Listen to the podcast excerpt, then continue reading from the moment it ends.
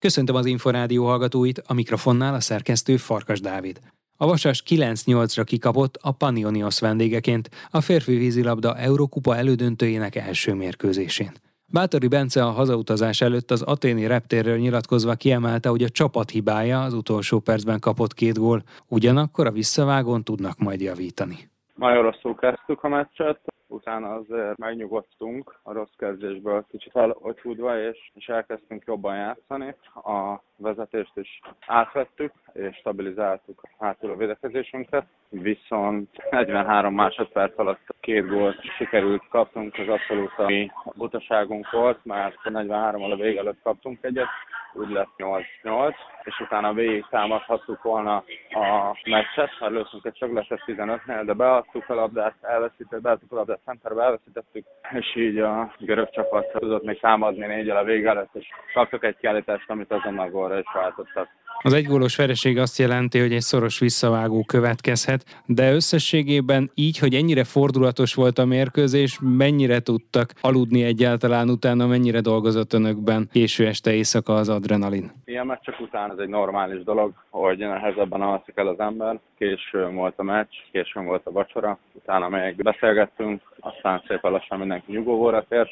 Hát ez egy normális dolog, akármilyen meccs után nehezebb elaludni, de pláne nyilván akkor, amikor egy ilyen felfogatott hangulatú meccset játszik az ember, és ezt azért el kell mondani, hogy fantasztikus volt a hangulat, tehát gyakorlatilag 1000-1500 ember végigüvöltötte, ami mondjuk meglepő, és amit nem annyira megengedett, végig is dohányozta a meccset az uszodában. Görög tüzek voltak, úgyhogy tényleg uszodákban ritkán tapasztalható hangulat volt a meccsen, és azért ilyen hangulatban fantasztikus vízilabdázunk. A dohányfüst egyébként zavarta önöket? Vagy azért a játékosokra nem, ez nem nagyon hatott? Nem, nem, nem, nem, nem, csak szokatlan az uszodában. Nyilván büdös volt az uszodában, de egyébként nem. Nem, az elején olyan volt, mint egy kicsit megszeppentünk volna, bár készültünk rá, és tudtuk, hogy ez lesz volt egy-két szerencsésebb góljuk is, aztán, ahogy már említettem, azért tudtuk stabilizálni a helyzetünket, és a végén az utolsó egy percben így csúszott egy kicsit a kezünkből a meccs, de semmi olyan nem történt, amit itthonnal tudnánk ledolgozni vagy behozni. Március 22-én lesz majd a visszavágó. Ugye ezen a mérkőzésen ön két gólig jutott, Kanarikákos három találatig. Önök húzták a csapat szekerét ezúttal. Szükség lehet-e esetleg arra, hogy még több gólszerző legyen a visszavágón, vagy ilyenkor ez mindegy, hogy kilövi a gólokat? Az teljesen mindegy, hogy kilövi a gólokat, de természetesen minden több gólszerzőre szükségünk van. Igazából azt gondolom, hogy egy csapat akkor tud ilyen meccseken nagyon eredményes lenni, hogyha nem egy ember lő 3-4-5 gólt, nyilván kijöhet ez is, hanem eloszlik az egész csapatban, és mindenki részt belőle, de ugye ez meccsenként változik. Görögöknek sem ugyanolyan erős mind a két oldala, mondhatni, hogy a kapás oldala a görögöknek az, az nagyon erős, ugye egy jelenlegi, válog, jelenlegi görög válogatott játszik, és egy 12 évet lehúzó, nagyon tapasztalt görög válogatott játszik aki egyébként előtte az utolsó két volt. Bajnokságban most néhány hetes szünet van, a Vasas a negyedik helyen áll a tabellán, egyetlen egy ponttal lemaradva a szolnoktól, de ugye nem is feltétlenül a pontszámok, hanem inkább az egymás elleni mérkőzések számíthatnak az alapszakasz végére. Mennyire volt eddig elégedett a bajnoki szerepléssel? Egyáltalán nem.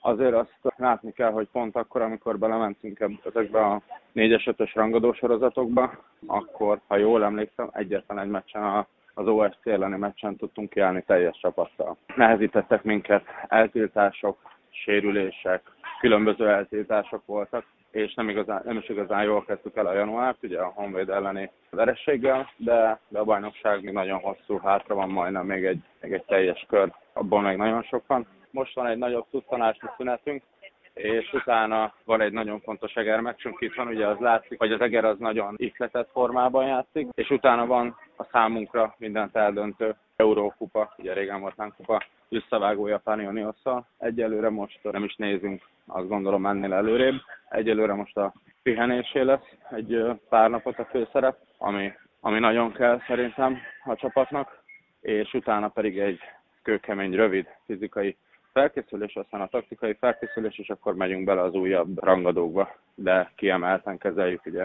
említettem a Fanélnös meccset, mert nagyon beszeretnénk jutni a Eurókupa döntőjébe. Bátori Bencét, a Vasas pólósát hallották.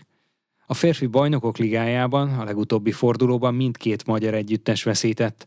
A Ferencváros 14-13-ra kapott ki a 8-as döntő házigazdája a Novi Belgrád vendégeként, míg az OSC 13-8-as vereséget szenvedett a Juk Dubrovnik otthonában. Ezzel már inkább csak matematikai esélye maradt arra, hogy a sorozat végjátékában szerepeljen. A Bressának 24, a Novi Belgrádnak 22, a Ferencvárosnak 18, a Juk Dubrovniknak 14 pontja van. Az OSC 6 pontot gyűjtött eddig, ezzel hetedik csoportjában. Már a véget ért a pólópercek. Tematikus sportági műsorunkkal legközelebb, jövő csütörtökön délután, nem sokkal 3.44 után várjuk Önöket. Korábbi műsorainkat megtalálják az Inforádió honlapján a www.infostart.hu oldalon. Most megköszöni figyelmüket a szerkesztő Farkas Dávid.